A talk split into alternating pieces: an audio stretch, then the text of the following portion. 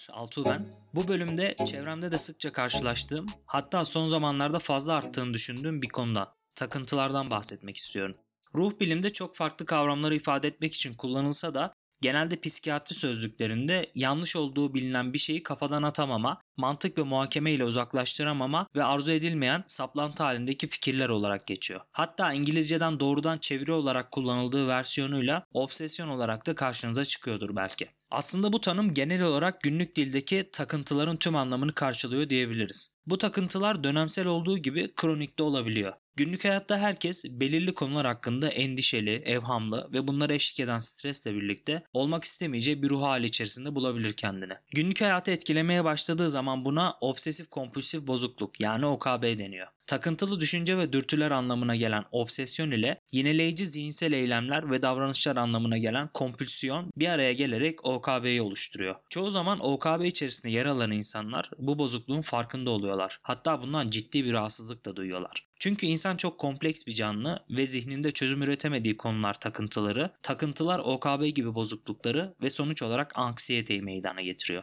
Neredeyse yaşadığımız toplumda 100 kişide 2 ya da 3 kişide obsesif kompulsif bozukluk mevcut. Ağırlıklı olarak insanların kişiliklerinin ve karakterlerinin olgunlaştığı dönem olan ergenlik döneminde olmakla birlikte çocukluk dahil her yaş grubunda görülebiliyor. Erkeklere oranla kadınlarda daha sık görüldüğünü de belirteyim.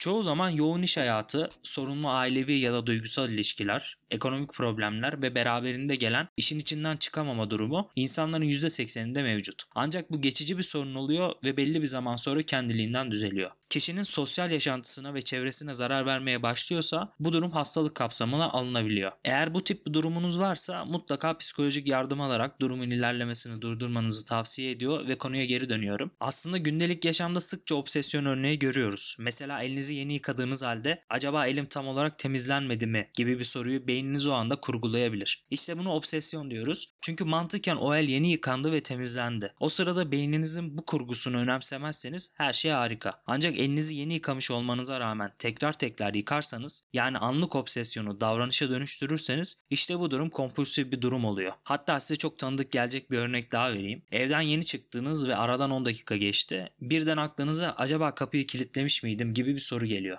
Evet biliyorum bu durumu yüzlerce kez yaşadınız siz de benim gibi. İşte bu durum anlık bir obsesyon durumu. Eğer bu kurgu soruyu aşamazsanız ve tekrar eve dönüp kapıyı kontrol ederseniz bu kompulsif bir duruma dönüşüyor. Obsesyon olasılığının yükselmesi genelde psikolojik zayıflama anlarıyla doğrudan bağlantılı ya da insanın o an yaşadığı durumu olan konsantrasyonu ile değişkenlik gösterebiliyor. Hastalık bulaşacağı düşüncesi, cinsel içerikli yersiz ve anlamsız düşünceler, yasak veya şiddet içeren düşünceler, anlatma, sorma ve sürekli kendini onaylatma ihtiyacı basit obsesyon örnekleri arasında yer alıyor. Elini tekrar tekrar yıkama, tablo resim gibi cisimlerin simetrik olmadığını fark edip düzeltmek, ütünün prizde unutulup unutulmadığını defalarca kontrol etme, karşıdaki insanın giysilerinin renklerini saymak, karşıdan gelen arabaları saymak, gölge ve çizgilere basamama durumu, uyurken yorganı yataktan taşırmamak, zihinsel sözcükleri sessiz bir biçimde söylemek gibi davranışlar da basit kompulsif örnekler arasında sayılabilir. Takıntıları ve akabinde ortaya çıkan düşünceleri etkisizleştirmek için yapılan hareketlere ise kompülsiyon adı veriliyor. Mikrop kapma takıntısını gidermek için aşırı temizlik hali, küfürlü dini düşüncelere karşı dualar etme, bir takım kelimeleri sessizce tekrar edip durma veya içinden sayı sayma genel olarak kompülsiyonlara örnek gösterilebilir. Takıntılar kişinin anksiyetesini yani kaygı durumunu artırıyorlar. Kişi de anksiyetesinden kurtulmak için kompülsiyonlara yöneliyor. Buna bir nevi psikolojik savunma mekanizması da diyebiliriz. Bu kadar tanım yaptık, örnekler verdik. Peki saplantıların, takıntıların nedenleri neler?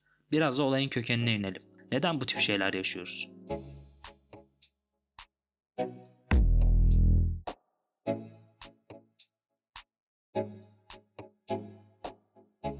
Burada aslında iki faktör var. Birincisi çevresel faktörler, diğeri de biyolojik faktörler. Çevresel faktörler söz konusu olduğunda genelde takıntılar sosyal ve aile çevresinde yaşanan yoğun strese bağlı gelişiyor. Halihazırda var olan ve hafif semptomlarla seyreden bir bozukluk çeşitli çevresel faktörlerle ciddi oranda tetiklenebiliyor ve semptomlarda artış gözleniyor. Buna ek olarak insanların çok sevdiği birini ya da bir canlıyı kaybetmesi, mesela bir evcil hayvan olabilir bu, okul ya da iş hayatındaki problemler, duygusal ilişkilerdeki travmalar da çevresel tetikleyiciler arasında yer alıyor. Bir de biyolojik faktörler var. Biyolojik faktörler ise daha çok beyin ve sinir hücreleriyle alakalı. Elektrik sinyalleriyle iletişim kuran nöronların birbirleriyle bilgi alışverişini ve iletişimini nörotransmitter adında kimyasallar sağlar. Bu nörotransmitterler arasında yer alan serotonin seviyesinde azalma olması da obsesif kompulsif bir bozukluğun gelişimine sebep olabilir. Hatta bu serotonin seviyesinin çok düşük olması ve genetik olarak taşınması da obsesif kompulsif bozukluğun genetik olabileceğini düşündürebiliyor. Ve ek olarak beyindeki serotonin dengesizliği planlama ve sağduyu ile ilgili bölgeleri de olumsuz etkiliyor.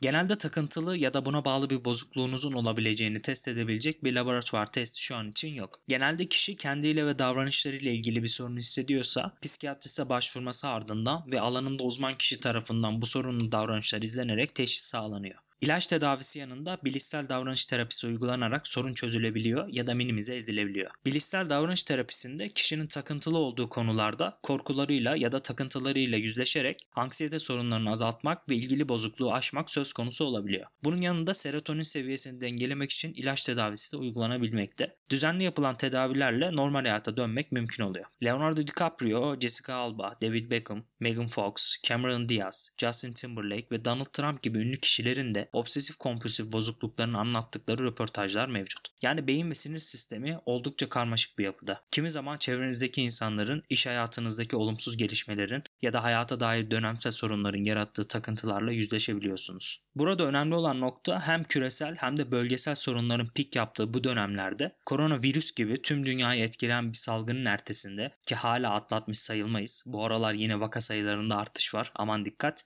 Ruh sağlığımızı korumak oldukça güç. Sadece ekonomik değil, sosyolojik ve psikolojik olarak da büyük bir sınav veriyoruz dünya olarak. Takıntıları minimize etmek ve erken teşhis edip üzerine gitmek çok önemli. Alanında uzman profesyonellere bu konuda güvenebilirsiniz. Analitik psikolojinin kurucusu Carl bir sözüyle noktalamak istiyorum. Carl diyor ki vakalarımın yaklaşık üçte biri klinik olarak tanımlanabilir nevrozdan değil, hayatlarının anlamsızlığından ve boşluğundan müzdarip. Bu çağımızın genel nevrozu olarak tanımlanabilir.